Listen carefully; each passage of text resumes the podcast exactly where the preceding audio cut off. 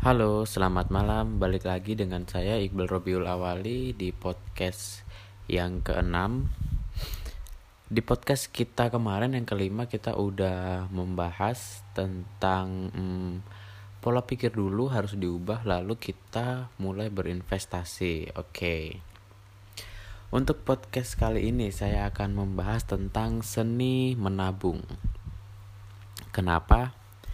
karena pada dasarnya menyisihkan itu adalah uh, suatu kegiatan kita untuk menabung atau awal mula dari investasi ya. Oke. Pada dasarnya menabung itu saya katakan seni karena tidak ada uh, ilmu pasti tentang menabung yaitu semua bisa disesuaikan dengan background orang masing-masing, dengan latar belakang orang masing-masing. Jadi, kita hanya perlu uh, mempelajari bagaimana sih orang-orang itu mengatur keuangan, lalu kita bisa mencontohnya seperti itu. Karena tidak semua strategi orang dalam menabung itu cocok dengan kita. Oke, langsung aja untuk seni menabung yang pertama itu ada dari salah satu direktur atau uh, manajer Panin Sekuritas yaitu Pak Rudianto. Beliau dalam mengatur keuangannya menetapkan sistem 10 20 30 40.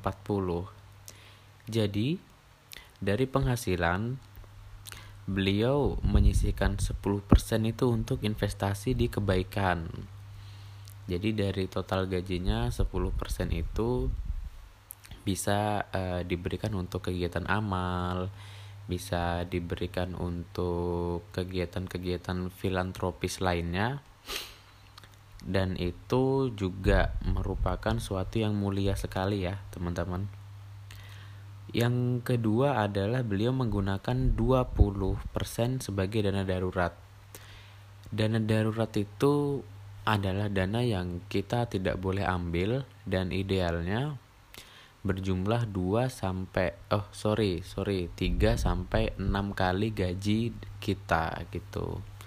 Jadi kalau misalnya gaji kita 2 juta ya berarti tiga kali gaji itu sekitar 6 juta. Jadi semisal ada apa-apa dan mengharuskan kita untuk tidak bekerja, kita masih bisa punya uh, cadangan 3 bulan gaji seperti itu. Lalu yang ketiga, 30% untuk cicilan produktivitas atau hutang. Jadi memang e, idealnya hutang ini e, diproyeksikan tidak lebih dari 30% dari gaji. Nah, karena kalau 30% lebih gitu hutangnya 40% atau 50% itu nanti akan e, membuat kita sendiri yang malah kewalahan mengaturnya. Seperti itu. Jadi nanti ujung-ujungnya teman-teman kalau berhutang lebih dari 50% dari gaji ya malah gak bisa disisihkan uangnya buat nabung. Seperti itu. Yang keempat yang terakhir 40% 40% nya itu untuk kebutuhan hidup.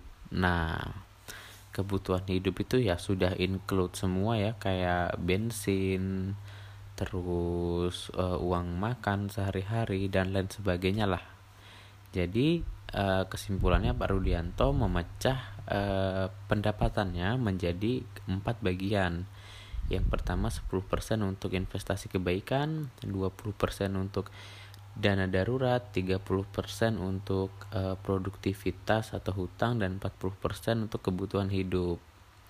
Nah, pasti teman-teman bertanya nih loh kalau sudah seperti itu e, berapa persen yang untuk investasi nah jadi di poin ketiga yang 30% itu yang untuk melunasi cicilan dan hutang itu itulah uang yang digunakan untuk kita berinvestasi karena menurut beliau sebaiknya mencicil hutang dulu, melunasi hutang dulu lalu kita berinvestasi seperti itu.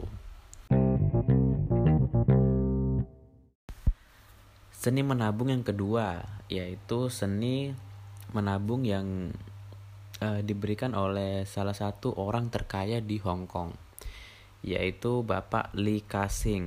Nah, beliau membagi uh, pendapatan ke dalam lima bagian, yaitu 25, 10, 15, 20, dan 30. Apa-apa aja uh, rinciannya sebagai berikut. 25% itu disisahkan untuk investasi. Investasi itu ya uh, terserah teman-teman mau investasi di mana yang penting 25% dari gaji itu disimpan untuk investasi.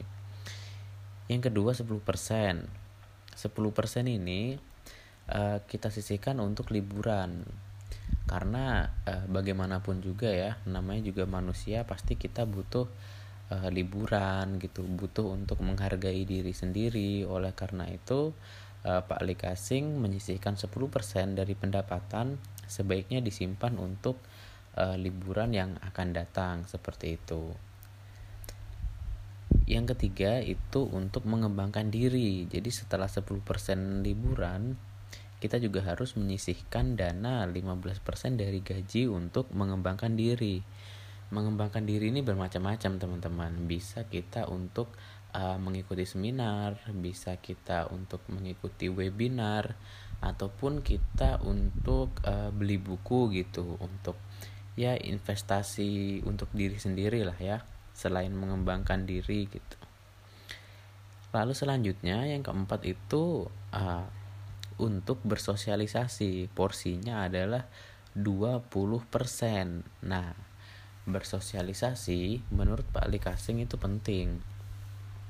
Dan tips dari beliau adalah traktirlah orang yang memiliki ilmu lebih tinggi daripada kamu. Seperti itu. Jadi uh, misal misal saya uh, masih butuh belajar dari orang lain.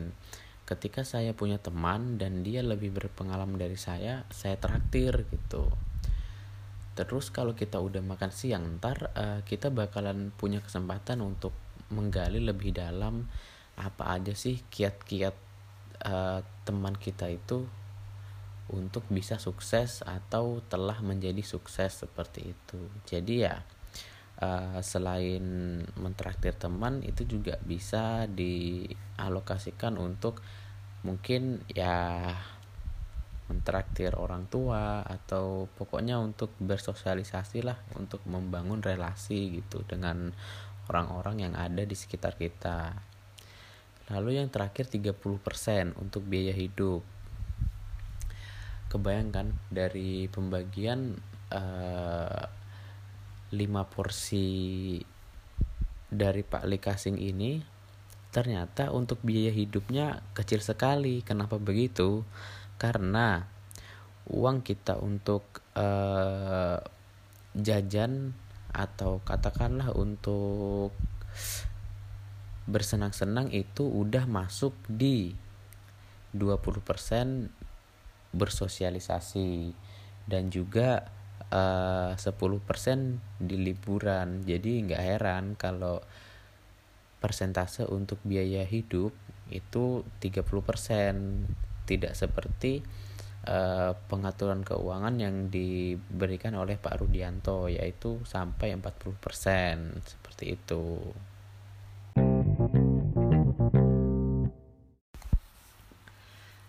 Next selanjutnya yaitu pengaturan mm, keuangan atau seni menabung yang diberikan oleh uh, Kyle Tyler Kyle Tyler sendiri adalah seorang CEO dari perusahaan Penny Hoarders. Itu bisa teman-teman cari sendiri ya perusahaannya bergerak di bidang apa. Yang jelas perusahaannya bergerak di uh, bidang finansial ya. Hmm. Kyle Taylor di sini memberikan tips yang sangat-sangat simpel dan sederhana. Uh, beliau membagi ke dalam tiga bagian hmm, persentase ya sangat-sangat simpel sekali.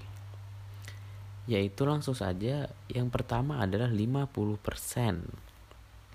50% dihabiskan untuk tabungan atau untuk investasi. Jadi ketika teman-teman terima gaji langsung cut 50% itu dianggap uang yang udah memang disisihkan untuk investasi, tabungan atau dana darurat, pokoknya uang itu harus ditabung, disimpan atau diinvestasikan. Lalu eh, selanjutnya 30% itu untuk kebutuhan hidup.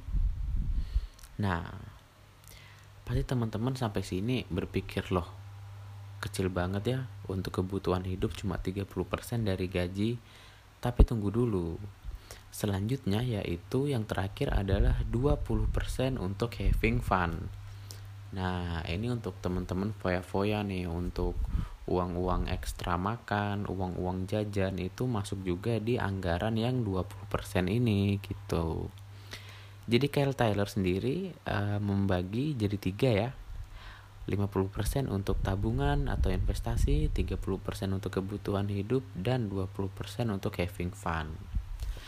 Tadi udah dijelasin ya eh, beberapa seni menabung dari Pak Rudianto, dari Lee Kasing, dari Kyle Tyler juga. Jadi sekarang teman-teman pasti punya bayangan dong ya atau gambaran di kepala kalian bagaimana sih saya mau mengalokasikan uang saya untuk supaya bisa hidup sebulan tapi juga bisa untuk berinvestasi atau menabung seperti itu. Kalau menurut saya uh, sebagai anak muda mungkin yang paling cocok itu ada uh, di tips yang diberikan oleh Kyle Tyler ya. Soalnya duit having funnya juga gede 20% gitu terus 30% untuk kebutuhan hidup dan 50% untuk tabungan jadi ini uh, bisa teman-teman terapkan yang pengen YOLO tapi tetap aman investasi gitu. YOLO tapi aman. Seperti di episode yang lalu yang udah kita bahas ya. Oke jadi sebetulnya menabung itu hmm, relatif fleksibel. Tidak perlu hmm, harus apa ya harus mengikuti aturan si A si B si C. Yang penting teman-teman formulasikan sendiri sesuaikan dengan kebutuhan sesuaikan dengan target dan sesuaikan dengan rencana untuk masa depan kalian. Kalau rencana kalian itu agresif ya mau nggak mau harus lebih besar nabung. Tapi kalau rencana kalian ke depan itu ya untuk menabung biasa saja ya mungkin tabungannya bisa hanya sekitar 15% atau 20% dari gaji udah cukup kali ya tapi kalau yang agresif harus di atas 30% lah itu menurut saya sekarang uh, terserah teman-teman lagi gitu Oke untuk seni menabung mungkin ini aja dulu yang bisa saya sampaikan Nextnya nanti coba saya cari topik tentang keuangan milenial yang lain yang menarik untuk kita bahas. Oke, jadi sekian dulu podcast malam ini.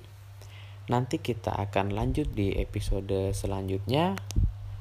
Selamat malam, terima kasih dan jangan lupa investasi terus, terus, terus dan terus. Karena di dalam dunia ini tidak ada skema cepat kaya, oke?